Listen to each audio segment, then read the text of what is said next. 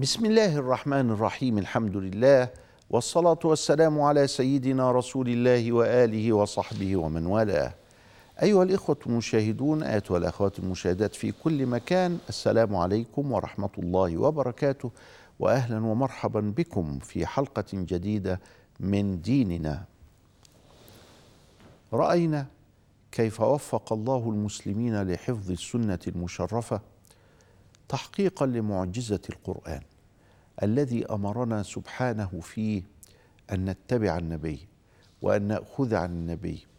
وكان النبي صلى الله عليه وسلم يقول ذلك كذلك فيقول صلوا كما رأيتموني أصلي ويقول خذوا عني مناسككم فدائما كانت عين الصحابة الكرام على رسول الله صلى الله عليه وآله وسلم. ولذلك فقد جاءت الروايات. وبالرغم من ذلك إلا أن المسلمين تنبهوا إلى أن هناك من الروايات ما هو قطعي ومن الروايات ما هو ظني. أما القرآن فهو قطعي الثبوت بمعنى أنه قطعي في ثبوته وفي نقله على مستوى الحرف. لم يتغير من القرآن شيء. على مستوى الحرف والأداء لم يتغير من القرآن شيء. وعرفنا قبل ذلك القراءات العشر وكيف نقلت وأنها زيادة في معجزة القرآن فالقرآن لم يحفظ بقراءة واحدة بل حفظ بعشر قراءات وكلها محفوظة إلى يوم الناس هذا وإلى يوم الدين إن شاء الله. السنة. لم تكن كذلك لأن السنة هي البيان المعصوم والتطبيق المحفوظ المعصوم من عند رب العالمين للكتاب. وما معنى البيان وما معنى التطبيق؟ التطبيق معناه أنه قد راعى زمنه وحينئذ فنحن لا نقف عند زمن النبي ولا نعيش زمن النبي بل نعيش دين النبي ونعيش منهج النبي صلى الله عليه وسلم. هنا فارق كبير بين من يريد أن يعيش زمن النبي وهو لا يمكن أن يعيش فقد اختلفت الاتصالات والمواصلات والتقنيات الحديثة واختلف البرنامج اليومي ل... ل... لما نعيشه عن حياة النبي. كان النبي صلى الله عليه وسلم إذا أراد أن ينتقل إلى الشام انتقل إلى الشام في نحو شهر من مكة. كان إذا أراد أن ينتقل إلى المدينة انتقل إلى المدينة في نحو أسبوعين. كان رسول الله صلى الله عليه وسلم إذا أراد وكذلك عمر وكذلك الشيخ البجوري في التاسع القرن التاسع عشر ولكن الآن نحن ننتقل إلى الأراضي الحجازية وكنا نأخذ رحلة الحج في نحو شهر ننتقل إليها في ساعتين. تغير الوضع تغير البرنامج اليومي للإنسان بالاتصالات وبالمواصلات وبالتقنيات الحديثة وباختلاف البرنامج اليومي فلا يمكن أن نحيا زمن النبي. ولكننا نريد أن نحيا دين النبي. ودين النبي يتجاوز الزمان والمكان. ودين النبي صلى الله عليه وسلم إنما يدلنا على المناهج التي نتخذها في المواقف المختلفة. ومن أجل هذا فإن العلماء قد قسموا السنة إلى متواتر مثل القرآن وهو عدد قليل من الأحاديث. منها حديث من كذب علي متعمدا فليتبوأ مقعده من النار هذا الحديث بهذا اللفظ بهذه الكيفية ورد عن نحو 120 من الصحابة الكرام. التواتر بهذه الكيفية تواتر قليل حتى إن حديث إنما الأعمال بالنيات وإنما لكل امرئ ما نوى. حديث مهم حديث موجود في تقريبا كل الكتب ونصدر به مداخلنا إلا أنه أحاد وليس متواتر.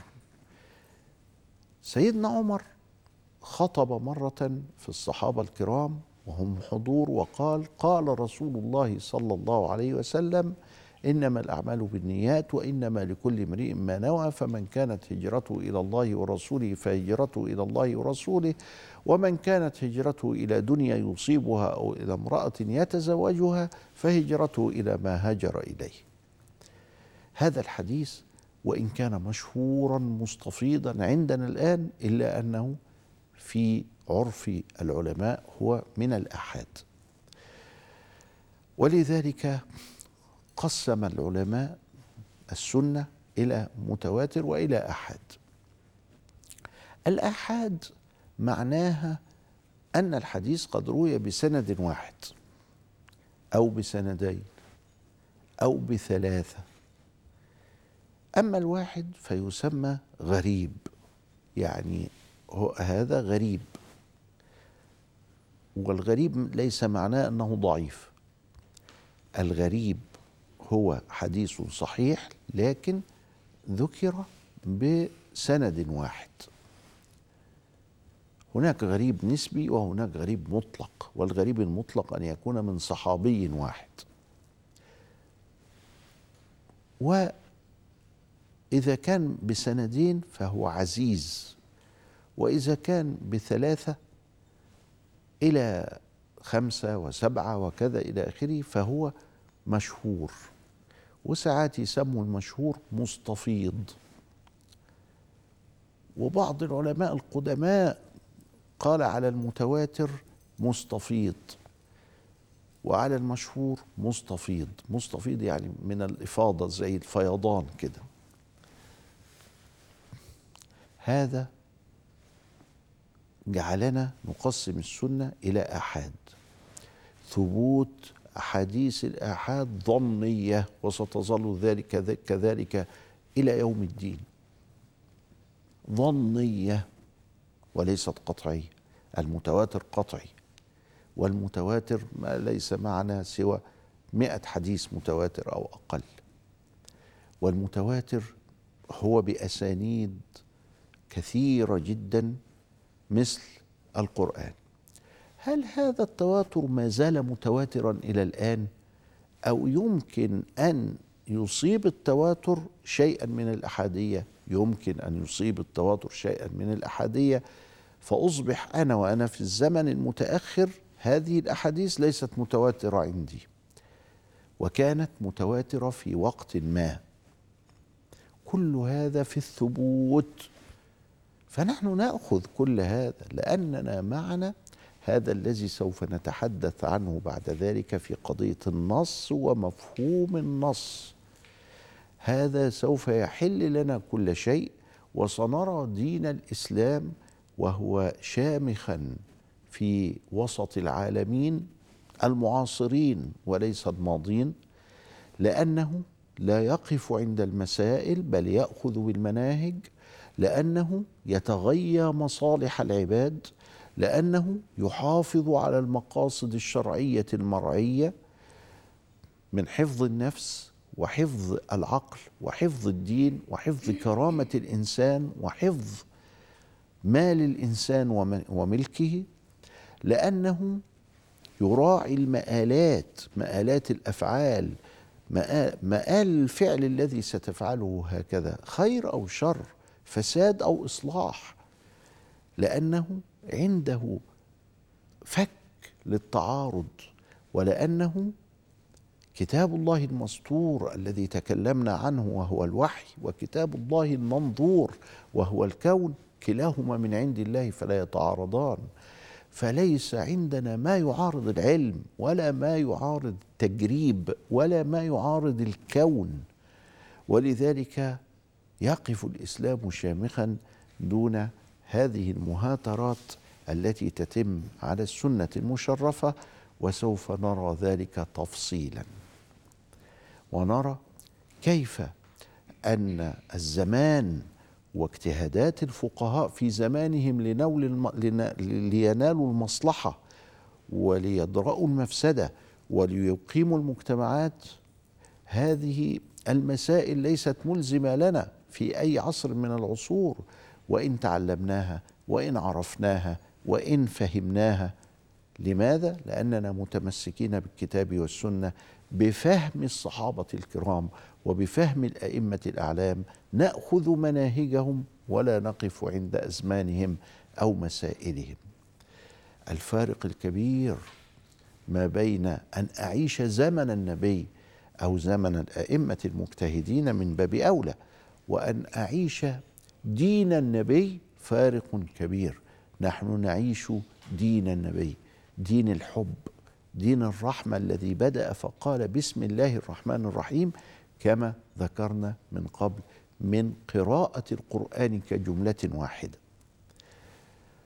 هذا الحب المؤسس على الرحمة أو هذا الحب المنبثق من الرحمة هو الذي سينجينا ولذلك ترى أكثر الداخلين في الإسلام في العالم الغربي دخلوا من باب مولانا جلال الدين الرومي لأنه تكلم كثيرا عن الحب وتكلم كثيرا عن أن الحب هذا هو أساس الإنسانية وهو أساس الحياة بمجملها.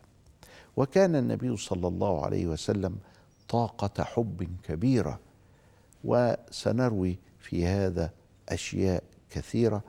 كان النبي صلى الله عليه وسلم طاقة حب جذبت إليه العالمين في عصره وفي غير عصره. أبو لهب كان يحب النبي صلى الله عليه وسلم حتى إنه طلب رقية وأم كلثوم لابنيه عتبة وعتيبة وذلك من شدة حبه في النبي إلا أن الله قد كتب عليه آه، أن أغلق قلبه فلم يؤمن وآذى النبي صلى الله عليه وسلم وأمرت آه، أروى زوجته حمالة الحطب ابنتي ابنيها بأن يتركوا ابنتي النبي صلى الله عليه وسلم والحمد لله لم يدخل عتبة وعتيبة بالسيدة رقية والسيدة أم كلثوم بل آه، طلق طلق كل واحد منهما كانوا كاتبين الكتاب فقط فطلق كل واحد منهما زوجته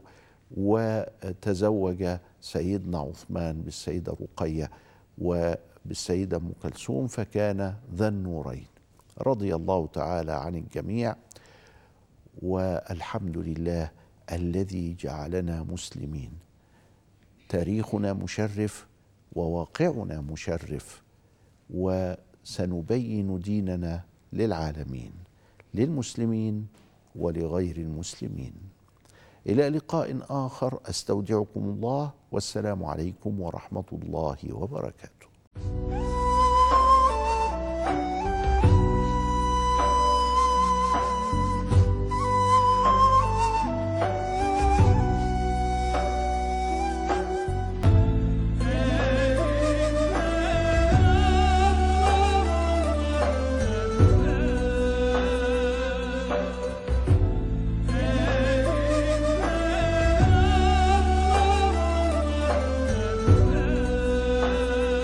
Bye.